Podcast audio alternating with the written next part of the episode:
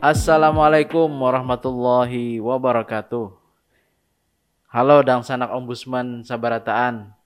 Jumpa lagi di podcast Ombudsman Perwakilan Kalimantan Selatan. Podcast yang membahas tentang ombudsman dan pelayanan publik. Bersama saya Rujali Nur dan telah hadir di studio podcast Ombudsman Mbak Jayanti Mandasari. Apa kabar Mbak? Alhamdulillah baik Mas Rujali. Alhamdulillah. Ini Mbak Jayanti ini uh, asisten di bidang penerimaan dan verifikasi laporan, Mbak ya. Iya, benar. Ya. Oke, dan sanak ombudsman seberataan. Uh, pada podcast kali ini kita akan membahas tentang fenomena uh, eksploitasi anak uh, yang terjadi khususnya di masa pandemi. Nah, uh, terkait pembahasan tema kita kali ini, Mbak Jayanti mungkin uh, bisa bercerita, Mbak, pengalamannya terkait melihat fenomena yang terjadi dengan eksploitasi yang terjadi saat ini. Seperti ya. apa, Mbak? Ya. Makasih Mas Rujali dan sanak ombudsman di mana pun berada. Uh, kali ini saya diminta untuk uh, membahas tentang tema yang menarik sekali nih, eksploitasi yeah. anak. Yeah. Saya kira tadi pertanyaannya Bung Rujali bagaimana uh, pengalaman yeah. eksploitasi anak itu ternyata bagaimana uh, saya melihat sebagai yeah. ya bisa jadi masyarakat yeah. ataupun ombudsman yeah. melihat praktek eksploitasi anak di masa pandemi karena yeah. tidak menutup kemungkinan sampai hari ini yeah. kita juga masih uh, hidup berdampingan yeah. dengan uh, COVID-19. Hmm. Nah, kalau dilihat dari prakteknya nih hmm. Mas Rujali yeah. Uh, semakin ke sini semakin memperhatinkan. Hmm. Nah, mengapa seperti itu? Okay, okay. Karena semakin kalau dulu yeah. hanya anak ya, di lampu merah hanya meminta yeah. dan mungkin menyanyi dan segala yeah. macam. Ini prakteknya lebih banyak dan lebih masif. Hmm. Contohnya misalnya memakai baju badut, mm-hmm. itu banyak tuh anak-anak iya. kecil yeah. memakai yeah. baju badut. Iya, yeah. bukan uh, hanya orang dewasa lagi ya. Orang dewasa. Hmm. Kalau dulu kita uh, orang dewasa mau yeah. minta membawa yeah. uh, ember kecil yeah. ya. Kalau sekarang malah anak kecil saya pernah ketemu mm -hmm. langsung sama anak umur eh paling itu kelas 2 kelas 4 SD mm -hmm. gitu um, kostum badut yeah. dan meminta-minta di jalanan. Hmm. Nah, dan di dalam okay, kostum itu ya pasti panas karena yeah. kostum itu apa namanya uh, sebenarnya memang peruntukannya bukan untuk anak kecil gitu. Okay, Jadi okay. makin banyak. Oke. Okay. Nah, dari apa pengamatan dan ya pemantauan Mbak Jayanti terhadap fenomena ini kira eh, kira-kira faktor apa saja sih kira-kira yang menyebabkan eksploitasi terhadap anak ini uh, begitu masif ya karena tidak lagi kita di beberapa lampu merah hampir di setiap lampu merah itu ada anak-anak yang uh, melakukan apa meminta-minta lah seperti itu. Enggak. Sebenarnya ada beberapa hal ya Mas Rujali. Yang pertama itu masalah ekonomi, yang pasti itu masalah ekonomi. Nah, di masa pandemi ini hmm. kita tidak memungkiri bahwa e, banyak orang tua yang kehilangan mata pencaharian. Hmm. Nah, kehilangan mata pencaharian yang mengakibatkan terpuruknya kondisi ekonomi keluarga. Hmm. Okay. Sehingga ekonomi. dalam konteks ini mau tidak mau orang tua ikut melibatkan anak hmm. dalam mencari nafkah.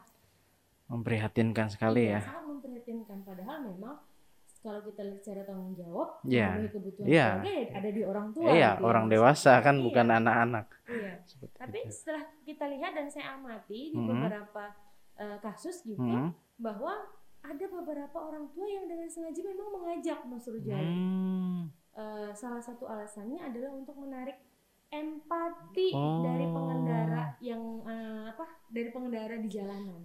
Justru Misalnya anak. Ini, ya? Hmm, uh, okay. Kalau orang tua mungkin yang mau minta-minta bisa muncul anggapan eh badannya masih sehat dan hmm. segala macam masa minta-minta. Yeah. Tapi kalau anak yeah. yang meminta-minta pasti rasa iba hmm, itu keluar lebih ya. banyak keluar yeah. dari pengguna jalan. Iya, yeah, karena sudah masih anak-anak sudah yeah. di jalan yeah. dan harus Kasian mencari uang gitu ya. Sehingga uh, dengan konsep yang seperti itu hmm. eh, anak dibawa untuk apa untuk bekerja okay. padahal sebenarnya uh, kalau kita kembali ke konsep eksploitasi mm -hmm. itu bukan kerjaan anak-anak mm -hmm. gitu kan yeah, yeah. harusnya kalau dalam konteks hari ini mereka mm -hmm. itu adalah di usia usia pelajar mm -hmm. dan harusnya belajar daring yeah. bukan malah ikut ke jalanan yeah. untuk mencari uh, nafkah okay. itu yang pertama itu mm -hmm. berarti uh, ekonomi yang pertama. Yeah. Nah, ada faktor dari orang tuanya sendiri nggak dalam hal ini, misalnya kesadarannya terhadap uh, memberi nafkah itu sendiri sehingga justru anak yang dilibatkan dalam mencari nafkah. Yeah. Kalau ditanya ada nggak uh, kontribusi orang tua sehingga anak jadi turun ke jalan tuh pasti jawabannya ada. Hmm. Walaupun nggak semua case ya, yeah. memang dengan sengaja orang tua mengikut sertakan anaknya hmm. ke jalan. Tapi kalau dari pengamatan dan interview yang saya lakukan hmm. itu memang ada keterlibatan orang tua. Ya ini masalah hmm. mental. Hmm. Mental siapa? Tentu mental orang tua. Hmm. Karena apa? Uh, aktivitas anak di jalanan untuk meminta-minta itu sedikit banyak itu anak melihat apa yang hmm. dilakukan oleh orang tuanya hmm. dan ada juga Mas Rujali yang memang kalau bahasa Banjar itu dilajari. Oh. Dilajari. Ikan berdiri di situ naklah. Uh -huh. nah, kalau lampu merah ikan berjalan minta-minta. Jadi ini persoalan mental iya, juga ya? Persoalan mental. Persoalan Sehingga, mental. Uh, mungkin di masa pandemi memang kita uh, sadari bersama bahwa hmm. memang pekerjaan sulit. Yeah. Pekerjaan sulit. Yeah. Tapi tidak berarti pekerjaan yang sulit tersebut melegalkan anak-anak untuk ikut serta dalam hmm. itu. Makanya okay. mungkin besar kemungkinan orang tua mencari jalan pintas hmm. nah untuk membantu perekonomian yang yeah. melibatkan anak yeah. nah sehingga uh, lagi-lagi ya anak menjadi korban hmm. walaupun memang anak itu yeah. sadar sebenarnya yeah. ini happy happy aja yeah, karena menikmati gitu ya uh, uh, pakai kostum badutnya yeah. uh, badut kemos gitu kan yeah. apa kartun kartun hmm. segala macam dan lucu-lucu hmm. nah dia happy happy aja sama hmm. apalagi dia sudah tahu dapat uang iya, gitu ya iya benar benar Tuh. udah tahu dapat uang ya kemungkinan tidak menutup kemungkinan akan menjadi kebiasaan ya, Mas Rujali. Akhirnya dia yang uh, apa ketagihan gitu ya, ya untuk benar, melakukan benar. hal itu. Nah, uh, kalau dari segi ini kan anak-anak uh, saat ini masih uh, pembelajaran jarak jauh ya.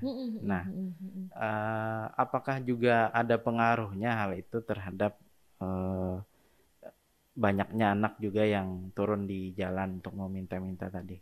Iya uh, salah satu penyebabnya adalah yang sampai sekarang ini masih uh, efektif memperlakukan pembelajaran daring gitu hmm. karena belum semuanya masuk kan yeah. dan ini kan sudah mulai lumayan nih ada apa sistemnya bergantian hmm. ya kan sesi yeah. sesi dan segala macam sudah masuk nah, secara sudah langsung ya. masuk. ya nah tapi tetap saja hmm. uh, metode pembelajaran daring ini adalah salah satu faktor yang membuat bahwa uh, eksploitasi anak itu terus terjadi. Oke. Okay. Gini, ilustrasinya saya ingin menggambarkan bahwa uh, tidak semua orang tua itu hmm. paham menggunakan perangkat elektronik. Oke. Okay.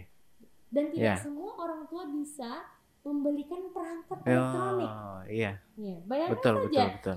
Harus harus menggunakan telepon pintar. Iya. Sementara misalnya orang tua yang mohon maaf iya. ekonomi menengah ke bawah itu oh, dari mana? Untuk kebutuhan sehari-hari saja, saja makan susah. hari ini kebutuhan yang tidak iya. penghasilan aja hanya untuk makan hari ini. Iya. Bagaimana untuk mengadakan telepon pintar iya. dan segala macam? Membeli kota lagi ya. Itu yang pertama. Okay. Yang kedua tidak paham uh, mekanisme pembelajaran online. Dari hmm. misalnya menggunakan uh, ada beberapa misalnya yang harus pakai video okay. gitu dan segala iya. macam yeah. yang nggak ngerti yeah. bagaimana mengaplikasikannya gitu mm -hmm. sehingga ya sudah frustasi orang tuanya mm -hmm. ya nggak dikontrol lagi anaknya uh, akhirnya nggak tahu dia ke tempat temannya atau ke jalanan justru iya. gitu ya uh -uh. atau ikut-ikut temannya hmm. untuk ngamen di jalan hmm. kita kan nggak tahu itu lepas kontrol dari hmm. orang tua oke okay. nah uh, upaya yang harusnya dilakukan oleh pemerintah dinas terkait mm -hmm uh, terkait fenomena ini mm -hmm. dan uh, yang menurut pemantau Mbak Sari seperti apa sudah yang dilakukan oleh dinas terkait itu? Yeah.